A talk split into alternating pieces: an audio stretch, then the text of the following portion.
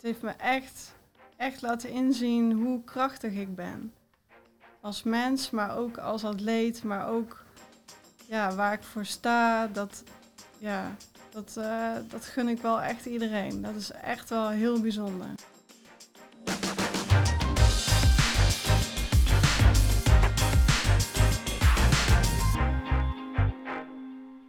Hallo, hartelijk welkom bij weer een nieuwe aflevering van eh, de podcast Onbeperkt. De podcast waarin we praten met uh, vooral sporters met een uh, beperking, maar die eigenlijk onbeperkt denken en die vaak tot waanzinnige prestaties in staat zijn. en dat geldt ook voor onze huidige gast Eva. die ga jij even voorstellen volgens mij. Die ga ik zeker even voorstellen. Ik heb één vraag nog even aan jou. Heb je nieuwe schoenen? ja, Ze zien er helemaal smetteloos uit. Ja, zijn ook, ja, nee, Misschien kun je ze even laten zien aan de kijker. Aan de kijker. Uh, ja, dat is niet een reclame, dit. Uh. Nee, ja. Tada. Nee, ja ik Mooie zat, nieuwe ik zat even te spieken. Dat, ik dacht, ze zijn echt nog helemaal vlekkeloos. Ja, ja nee, dat klopt. Hè. Ik heb ze echt vanmorgen voor het eerst aangekomen. Oh, echt? Ja. Nou. Best voor die occasion. Hartstikke mooi, hartstikke mooi. Hey, fijn dat we er weer zijn. En inderdaad, vandaag weer een, een nieuwe gast. Um, onze gast um, is op achtjarige leeftijd betrokken geweest bij een zeer dramatisch ongeluk in uh, busongeluk in Frankrijk. Uh, daarbij ben jij uh, jouw moeder verloren en zelf heb je ook best wel even tussen hemel en aarde gezweefd. Je hebt het overleefd. Daarna is jouw linker onderbeen geamputeerd. En lange tijd was sport eigenlijk niet per se bij jou in de picture. totdat het opeens om de hoek kwam kijken. En je zit hier ook in je sporten nu, dames en heren. Hartelijk welkom voor Kimberly Alkemade. Fijn dat je er bent. Dankjewel. Hoe gaat het met je? Ja, goed. Hey, we gaan het straks uh, nog uitgebreider over de sport hebben, maar ik wilde toch eigenlijk nog heel even terug naar um, jij, de achtjarige die uh, betrokken is geweest bij het bos, busongeluk. Wat weet je daar nog van? Ja, eigenlijk niet zoveel meer. Dus nu 25 jaar geleden, mm -hmm. is mij verteld, zeg maar, dat ik door de bus heen uh, ja, vloog, zeg maar. En dat ik ergens in de berm terecht kwam en dat het echt een kwestie van leven en dood was. En uh, ja, dat uh, de trauma-helikopter, degene die in die trauma-helikopter zat, die heeft besloten om mij naar het dichtstbijzijnde ziekenhuis te brengen. Mm -hmm. En ja, daar, ja, met die keuze heeft hij eigenlijk mijn leven gered. Want als die vlucht dus langer had geduurd, dan had ik het dus niet gered. Ja, ja, maar je zat ja. op de eerste rij, hè? Ja. Ja. ja. ja. Met, met je moeder? Ja. ja, we zaten echt aan de rechterkant. En ja, net aan de, aan de verkeerde kant eigenlijk. Ja, precies. En jouw ja. uh, vader en broertje of zusje zaten ook in de bus, toch? Uh, nee, twee oudere broers en uh, mijn vader. Ja, en die hebben ja. het ook overleefd? Ja, ja die, mijn vader en twee oudere broers, die hebben een ja, lichte, lichte verwonding eraan overgehouden. Ja. En vanaf welk moment weet je nog wel iets? Zeg maar. Ja, toen ik wakker werd in het ziekenhuis. In dat ziekenhuis? Ja, maar daarvoor weet ik echt helemaal niks. En hoe, hoe werd je wakker? Ja. Um, ja, dan ben je acht jaar, hè. Dan uh, moet je wel even heel ver terug in de tijd. Um, ja, een beetje verward, denk ik. Van, hè, waar ben ik? Uh, dat denk ik. Uh, en als je natuurlijk ook uiteindelijk wilt weten van wat er allemaal gebeurd is.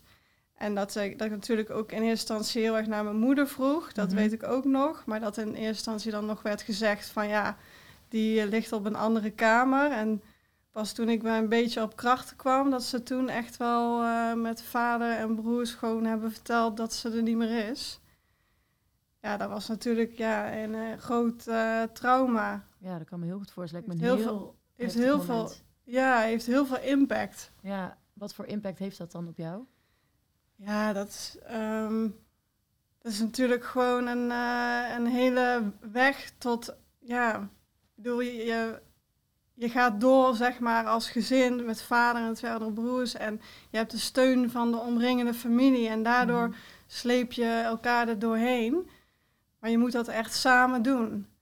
En uh, ja, je kunt dat niet alleen, zeg maar. Nee, Net zoals wat topsport kun je ook niet alleen. Moet je ook echt samen doen. Ja, Heb ja. je nog wel uh, herinneringen aan je moeder? Uh, nou, het, het, is nu... Off-season is net achter de rug. En ik heb heel toevallig uh, heb ik uh, recent beeldmateriaal laten digitaliseren. Dat zijn nog van die oude videobandjes. Want ja, we hebben geen videorecorders meer. Hè? Dus dan moet je dat digitaliseren. Ja, maar dat ja. kan dus gewoon. Er zijn bedrijven die daarop gespecialiseerd zijn, die dat gewoon kunnen doen. Dus ik heb dat laten doen.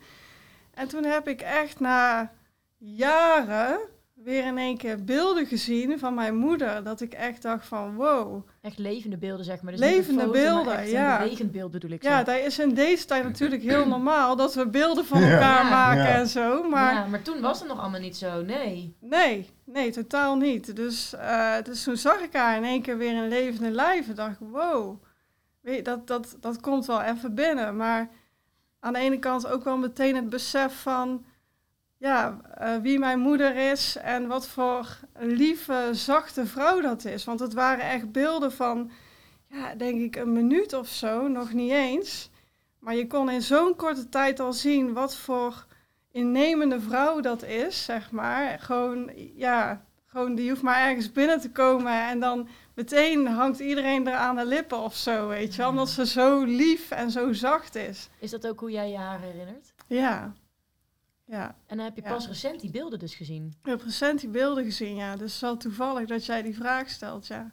En hoe, hoe was dat dan om dat te zien? Ja, aan de ene kant confronterend, Mhm.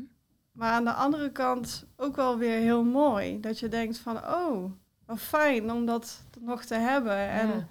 Dat je dat dan nog, eh, nog terug kan zien. Dat je weer even wordt herinnerd aan wie, wie je moeder is, zeg Ja. maar. ja, precies. Want in deze tijd is dat natuurlijk heel normaal, van dat we filmpjes allemaal van elkaar Het maken. overvloed, denk ik, tegenwoordig soms aan eh, filmpjes en video's. Als Ja. ik filmrol kijk, Ja, met 15.000 dingen, dat ik soms echt denk, pff, ja. ja toch? Ja, je maakt bijna van alles foto's en video's. Ja. Terwijl in die tijd was dat niet. Nee. Dan moet je je voorstellen, in mijn geval dan, dat ik dan na jaren in één keer die beelden terugzie. En dat ik denk van wow, Ja, dat, komt wel even binnen. Dat heb je al Ja. jaren niet gezien. Nee, zeker niet. En Bijzonder dan, zeg. ja, en dat was toevallig ook een jaar voordat het ongeluk gebeurde. Toen wij net verhuisd waren naar Den Bosch. Toen iedereen helemaal happy was in het nieuwe huis. Nog even moest landen.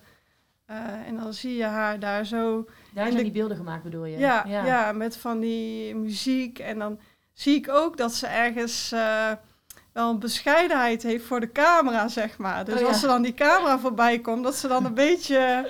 Dat ik denk van, oh, dat, dat heb ik dan niet van mijn moeder, zeg maar.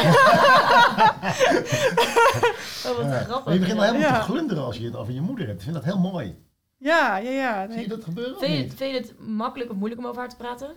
Nee makkelijk. Ja. Ja, dat, is, dat mag ik ook hopen na 25 jaar. Maar ja, maar ik kan me ook voorstellen Ja. dat het soms ook niet fijn is. Of dat het nog steeds ook eh, verdriet met zich meebrengt. Ja, dat kan, ja dat, kan ik, dat kan inderdaad. Maar nee, ik, eh, ik ben juist heel erg trots dat zij eh, mijn moeder is. En eh, ja, dat ik er nog wel acht jaar... eh, ja, Van het mogen genieten. Ja. precies. ja, zo probeer ik het dan maar te bekijken. hè. Hoe hebben jullie het als gezin verder daarna opgepakt? Ja, heel sterk, denk ik. Want eh, we hebben natuurlijk wel hele slechte kaarten getrokken van dat ongeluk. Ja, en dan moet je samen door. En als je kijkt naar hoe iedereen terecht is gekomen. En mijn vader is 11, 11, 11 getrouwd. Echt? Tweede keer. En dan ben je... Ja. 11, 11, 11. Ja, De 11 om de 11, dat is ook een, een carnavalsding. ja, ja, Ja, ja. ja, ja. Ja, ik zit ineens Ja, ja, ja. klopt. Op die dag ook. Ja, eh, ah, ja, ja, ja. Oké. In een kikkerpak of zo, nee. Ja, toch ook, hè? Ja, Ja, precies. ja, ja. Nee, wel, wel echt, eh, echt eh, trouwpak en alles erop en eraan. En hoe was dat Maar, voor jou dan? Ja. Ja, heel bijzonder. Mooi. Ja, natuurlijk dat hij gewoon weer opnieuw het Mm. geluk heeft gevonden. En eh, ja, die zijn ook nog steeds bij elkaar. Hebben ook eh, niet zo heel lang een nieuw huis Oh, in. Eindhoven. Ja. Ik las een, eh, een- quote van jou. Die vond ik zo mooi. Je zei, rouw is topsport. Ja, Ja. ja. Ja, Maar maar vind dat, ik er echt eentje voor op een tegeltje. ja, ja, klopt. Ja, maar dat is het Kun je ook. dat iets meer duiden in jouw geval? Nou, het is, ehm, eh, je moet het eigenlijk, rouw is eigenlijk, ehm, je moet het eigenlijk voorstellen als een soort ladekastje. Die lades zitten dicht en ineens in de zoveel tijd gaat er een laadje open aan verdriet of aan gemis, wat je dan voelt. En daar heb je dan op dat moment even mee te dealen. En, eh, en dan gaat het laadje weer dicht en dan heb je het weer even over je heen gehad en dan kun je weer even door en daarna gaat er weer een laadje open. En dan, gaat het, ja, dan moet je dat weer verwerken. En zo ben je iedere keer, stap voor stap, ben je bezig met verwerken. En ja, Dus ehm, En het je is... weet nooit wanneer het laadje open of dicht gaat. Nee, je weet het nooit. Nee. En wat maakt het dan vooral zo zwaar? In de zin van topsport. Nou, het vraagt eh, mentaal gewoon heel veel van je. Mhm. Zeg maar het, eh, het hele verwerkingsproces. ehm, eh, en dan vaak als je heel ver in de verwerking bent, dan voel je dat gemis eigenlijk nog enkel op de momenten die, eh, die heel belangrijk voor je zijn. Bijvoorbeeld, eh, eh, om even naar mijn broer te refereren, geboorte van een eerste kind. Ja, ja. Of eh, ehm, ja, net zoals mij, mijn medaille op het WK. Dat zijn wel momenten, dan, dan denk je wel weer even terug aan, aan dat gemis. En En op Eh. wat voor manier komt dat dan op? Want is zo'n medaille bij er dan, kun je er dan echt blij mee zijn? Of wordt het ook wel overschaduwd door verdriet op zo'n moment? nee, nee, je kunt er wel echt blij mee zijn, maar je voelt wel dat gemis. Ja, Ja, en dan zi- zijn het denk ik ook wel die emoties, zeg maar, van de weg ernaartoe, van, van het, het werk wat je ervoor hebt geleverd. Mhm. En ja, dat je ergens ook wel ja, voelt van, ja, ze, ze is er misschien niet meer, maar ergens voelt het wel dat ze toch nog een beetje bij me is of zo. En Ja. dat je dat, dat, dat wel voelt, maar ja. Het is een beetje het gemis van, van het kunnen delen ook, denk ik. ja, het gemis van kunnen delen. Ik denk Ja, dat dat het vooral is. ja en dan helemaal als je dus die erkenning krijgt, die medaille. Een Ja, soort van hoogtepunt, een soort van climax waar je al die tijd naartoe hebt gewerkt. ja. Ja, kan Ja. me voorstellen. En dat zijn, en als je dan zeg maar echt er nog middenin zit, Mhm. Ja, dan ben je echt hard aan het werk, mentaal gezien. Want dan, eh, dan, dan ben je heel erg ook in je emoties aan het schommelen, zeg maar. Van, van, het is heel erg, nou, wat normaal gesproken, als je meer in balans bent, dan ga je een beetje zo. Dus iedereen die gaat altijd wel een beetje op en af Ja. hè, in het leven. Dus Ja. dat is normaal. Maar ik denk als je aan het rouwen bent, dan gaat het toch meer, meer zo. Heb je, Mhm. Maak je wat grotere bewegingen. En eh, pas als je wat verder komt in de verwerking, dan wordt het dat weer wat rustiger. En dan worden die, die, die eh, ja, dat, dat verdriet wat dan opkomt, wordt minder heftig als, als dat je het in het begin ervaarde, zeg Ja, maar. En ja. zo wordt dat steeds rustiger. Ja. En is het zo dat het dan ook invloed heeft op je topsportcarrière? Ja, ja. In welk opzicht is dat dan? Nou, omdat topsport is eigenlijk misschien wel 90% mentaal, hè? zeker Mhm. op een groot toernooi. En als je dan zeg maar nog, eh, ja, nog met zware ballast rondloopt, zeg maar, dan kan dat eh, enerzijds kan dat je tegenwerken, maar het kan misschien juist ook wel weer extra kracht geven of extra boost geven, zeg maar. Dus ehm, ja, afhankelijk zeg maar waar je dan in, in je proces bent, eh, ja, ervaar je dan wel eh, dat je dubbel aan het werk bent, zeg maar. Tenminste, dat is wat ik ervaar. ja, ik kan me voorstellen. Dat klinkt dan ook alsof het eh, dusdanig veel energie kan kosten dat het bij wijze van spreken ten koste gaan van medailles. Ehm, ja, ik denk dat dat eh, als, het, als het echt zwaar op je weegt, net zoals dat je met, met een rugzak rondloopt met allemaal bakstenen erin en echt zwaar op je weegt, dan wel ja. Maar als je echt zelf eh, ervoor zorgt dat je die rugzak in ieder geval leeg genoeg hebt, zeg maar, dan niet. Maar daar kan je dus voor zorgen. Ja, ja, Ja, want je wil niet dat je bij wijze van spreken klaar staat voor de start en dat er ineens zo'n laadje open gaat. nee. Want hoe kun je aangeven hoe jouw eh, stap naar de topsport gegaan is? Ja, dat is Heel lang was sporten niet echt bij jou in beeld, toch? Nee, nee, echt totaal niet. Ik, ik moet ook heel eerlijk zeggen dat zeker deze off-season periode heb ik er eens even goed over na zitten denken van wat is er nou de afgelopen vijf jaar allemaal gebeurd, zeg maar. Veel. Ja, en dan denk ik bij mijn eigen van, ik, ik heb gewoon vier medailles Ja. binnen vijf, Ja. vijf jaar. Krankzinnig verhaal. Daarom vraag ik natuurlijk ook is, hoe, dat, hoe, hoe, die, hoe die overgang is gegaan. Die Ja, transitie. ja, want in ik, één keer is er een knop omgegaan of Het is het geleidelijk gegaan? Nou, nee, ik, ik, eh, ik was op zoek zeg maar naar een. eh, eh, ik wilde een wat actiever leven leiden. Ik was 27 jaar Mhm. en daarvoor, ja, ik werkte in de zorg en ik eh, ja, had gewoon een leven zoals een normale burger, zeg maar. Je gaat naar je werk en af en toe ga je een keer naar de sportschool. Ja, dat was zoals de meeste mensen dat doen. Dan ga je even zo'n periode fanatiek. Oh, zo En, en dan daarna dan eh, denk je van, ah nee, even wat Dat is ook rustiger. dit, hè? Ja, dat is ook. ook. Dat zijn ook die golven, hoog, Ja. laag, hoog, laag. Ja. Dus, dus, dus niet zo fanatiek als wat ik nu doe en met een doel. En eh, nee. Ehm, maar ik deed wel eh, verschillende dingen uitproberen. En dat was zeker in die tijd was ik daar heel erg mee bezig. Omdat ik in de zorg werkte. Mhm. En ik had het idee van, nou, misschien door wat ik heb meegemaakt en door dan voor andere mensen ehm, daar te staan, voor mensen met een handicap, kan ik van mijn handicap mijn kracht maken. Maar ik vond het daar nog niet helemaal. Ik denk van, ik, ik voelde nog niet helemaal die link met mijn eigen ervaring, gekoppeld aan wat ik deed. Mhm. En ehm, toen ben ik verder gaan zoeken van ja, wat zou het dan zijn, zeg maar. eh. Eh, en toen dacht ik van ja, ik denk dat ik gewoon wat actiever met mensen aan de slag wil. Dus ik was mezelf aan het omscholen tot beweegcoach. Mhm.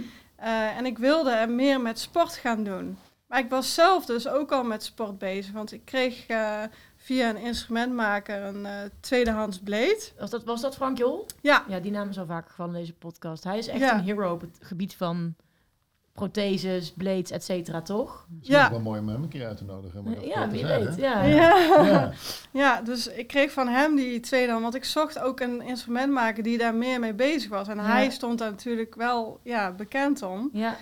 En ehm, eh, dus toen ben ik met die blade gewoon ja, vijf kilometer gaan rennen. En voor de mensen die niet weten wat een blade is, dat is eigenlijk een prothese om mee te rennen, toch? Dat is een soort van ja, maar, een dat, erin maar dat was een blade zeg maar speciaal voor marathons. Oh, Dus wow. waar, waar je rustig mee kan joggen. Ja. Dus daar ben ik mee begonnen. En toen begon ik met de Ladies Run in Eindhoven. En ehm, ja, ik kan me nog voorstellen, die muziek ging aan, dat ik helemaal zo, hey, helemaal enthousiast aan die, aan die vijf kilometer run begon. Maar het grappige was, is dat ik begon en ik, ik liep hem meer in een intervaltraining. Dus, dus toen, toen kwam ik... in de golf. Even een thema. We zijn echt een, Ja. het is een rode golf in plaats van een rode draad door het leven. En toen kwam ik zeg maar over de finish en toen dacht ik al van, nou ja, ik weet het niet. Volgens mij ben ik meer een sprinter. Oh ja, had je meteen al dat gevoel? Ja, zo Oh, van het, iets met Je snelheid. wilde harder. Ja, ik wilde harder inderdaad. En eh, dat hele lange, dat, dat, dat was het niet helemaal voor mij. Dus Nee. Toen ben ik ve- verder gaan zoeken. Toen kwam ik dus bij die Paralympische Talentendag eh, terecht. Ja. Maar daar ben ik niet echt heen gegaan om, nou, ik ga nou even een topsportcarrière beginnen. Want ik, ja, je bent 27, dus Ja. eh, wie doet dat nou op zijn Ja. 27ste, zeg maar? Nou, ik dus. Hier zit ze, dames en heren. Ja. Ja. Ja, dus ik ging daarheen, maar ik wilde eigenlijk puur alleen informatie verzamelen. Van Ja, nou, waar kan, er, kijken en oriënteren. ja, waar kan er allemaal Ja. met een prothese? Wat Nou, voor best sport? veel dus. Ja, dus ik wilde ook eh, lotgenoten leren kennen, mensen die zelf ook sporten met een prothese. En dat was eigenlijk mijn doel. En heb je nu een soort van het geluk gevonden ook met, met, met het sprinten? Nou, ik geloof dat jij Ehm. gewoon een briefje in je hand gedrukt kreeg, toch? Ja, ja, ik Ja. kreeg, ik kreeg, Ja. Een, vond ik zo grappig. Ja, dat verhaal, ik kreeg een briefje in mijn hand gedrukt en zei, je bent geschikt voor de Nederlandse selectie Paralympische atletiek. Wat dacht je Maar toen je was echt een, geschreven papiertje? Ja, geschreven papiertje, En ja. er stond op, je bent geschikt voor Ja, de... Ja, voor En de toen dacht jij... Zo ging het vroeger bij het Ja. Nederlands voetbalelftal. Is dat zo, heel, ja? heel, heel lang geleden. Echt? Ja. Ja. briefje. Ja, met een handtekening eronder. Met een hand, ja. dat was ook met zo'n handtekening, ja. ja. Ja, en ik dacht echt van, hè, wat is dit nou, joh? Dus ehm, ja, dan, dan ga je wel nadenken van, oké, wat gaan we hiermee doen? Ja. Ik was toen, werkte ik nog in de zorg. Mhm. Ehm, ik woonde samen met mijn eh, eh, partner. Daar woon ik nu nog steeds mee samen. Ben inmiddels verloofd ook. Oh, gefeliciteerd. Gefeliciteerd. Dankjewel. Leuk. Ehm, en ehm, ja, wij keken elkaar aan en wij dachten van, nou, wij gaan dit gewoon fixen.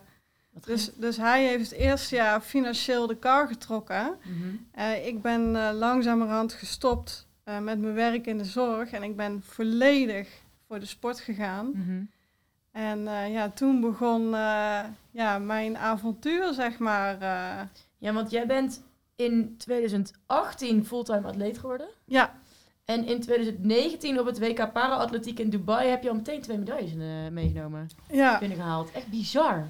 Ja, dat is niet Zo normaal. snel. Natuurtalent. Mag je dat zeggen? Ja. Ja, het is inderdaad denk ik wel dat het gewoon echt in jou zit eh, helemaal. Ja, Verborgen ergens, als het al die tijd en toen is het eruit gekomen of zo. ja, ik denk precies wat jij zegt. Want ik sprak laatst eh, een van mijn concurrenten uit Canada. Mhm. Die is dus van kinds af aan al eh, begonnen met atletiek. frustrerend. Komt er zo'n nieuw kid Ja. on de blok en vervolgens... En ik zeg wel jaren al jaren, jaren bezig om onder die 13 seconden te komen op de 100 meter. En ja, en Ja, dat is, bij mij is dat dus anders gelopen. Ja. En ja, dan, dan besef je wel ineens van wow, Hoeveel zit er nog in het vat, voor je gevoel?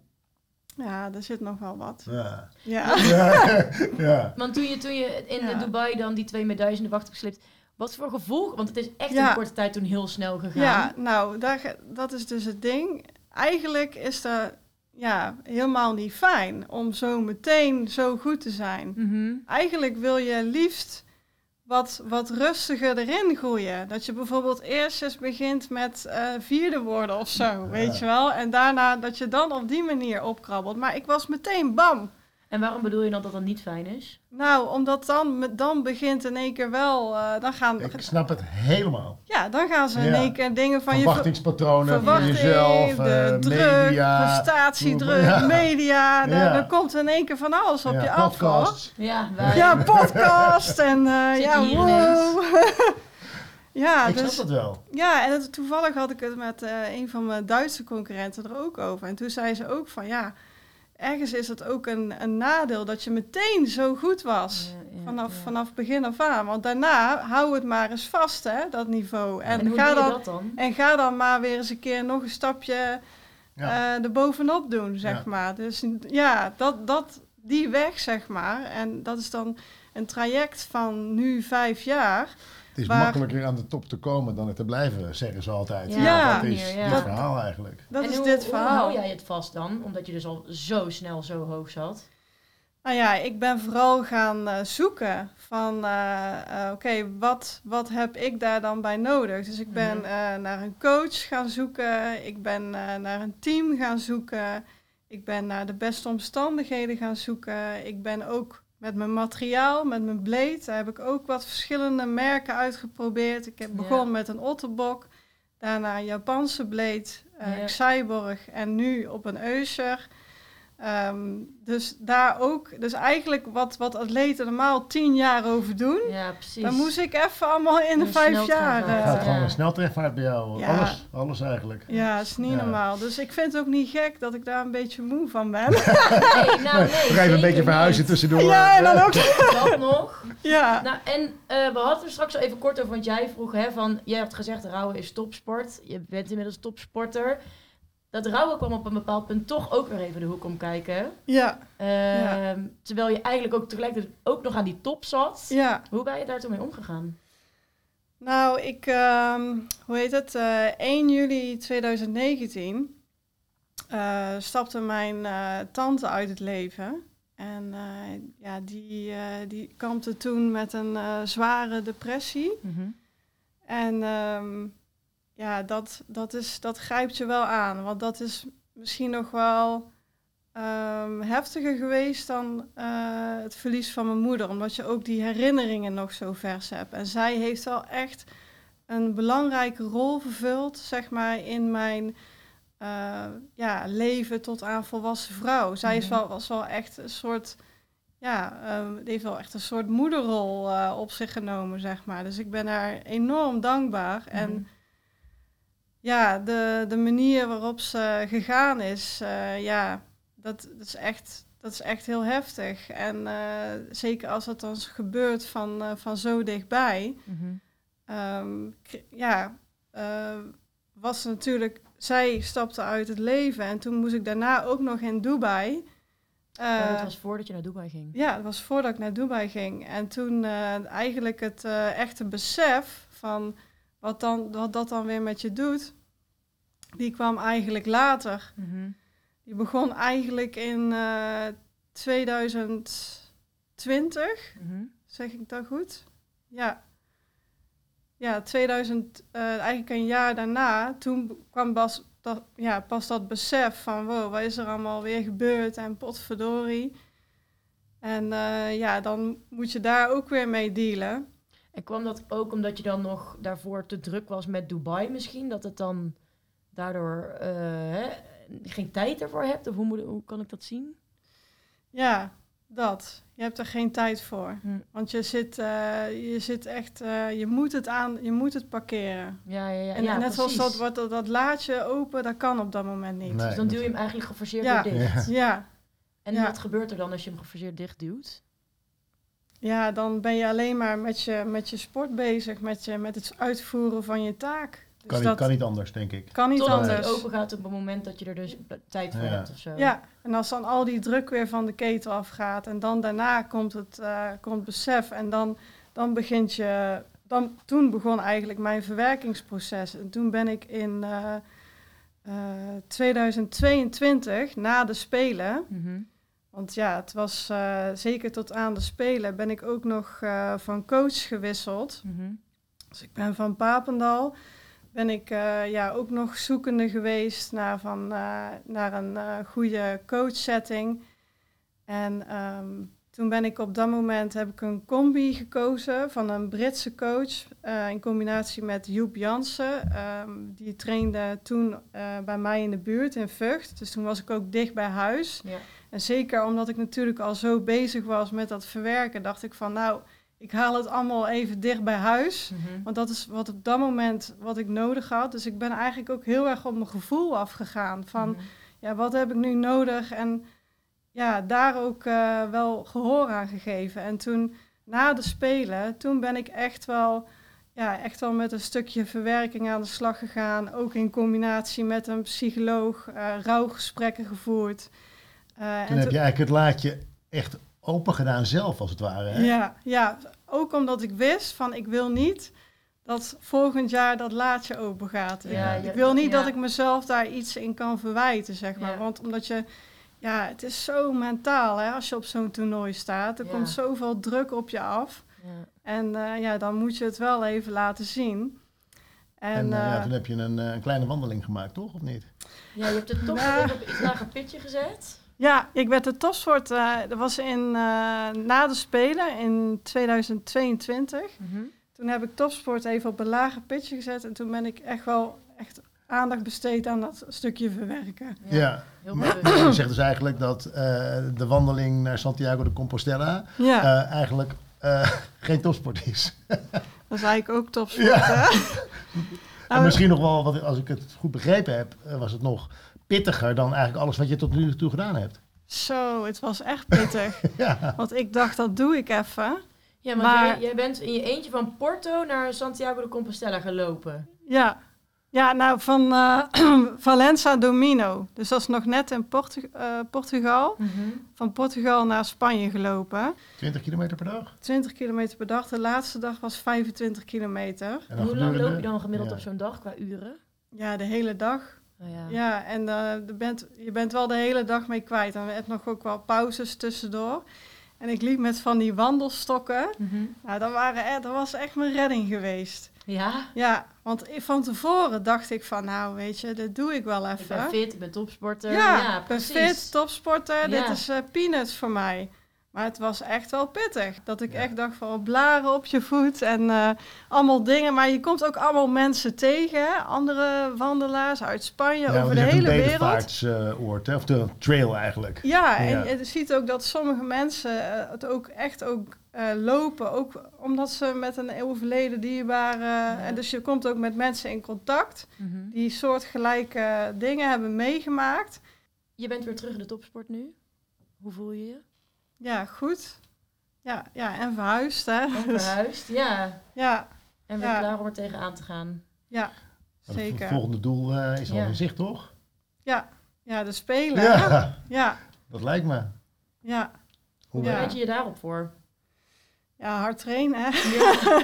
Nee, ik ga, ehm, ehm, zeg maar, wat de keuzes die ik afgelopen jaar heb gemaakt, als het gaat om coach, blade, eh, al die keuzes die zijn gemaakt. De bewuste rouwverwerking die je hebt gedaan ook. Ja, Ja. ja. dus ik, ik hoef verder ehm, niet heel veel meer te veranderen. Ik kan gewoon eigenlijk heel stabiel jaar draaien en gewoon keihard trainen. En je hebt ook het gevoel dat de keuzes die je gemaakt hebt ook de goede keuzes zijn geweest als ik je zo beluister.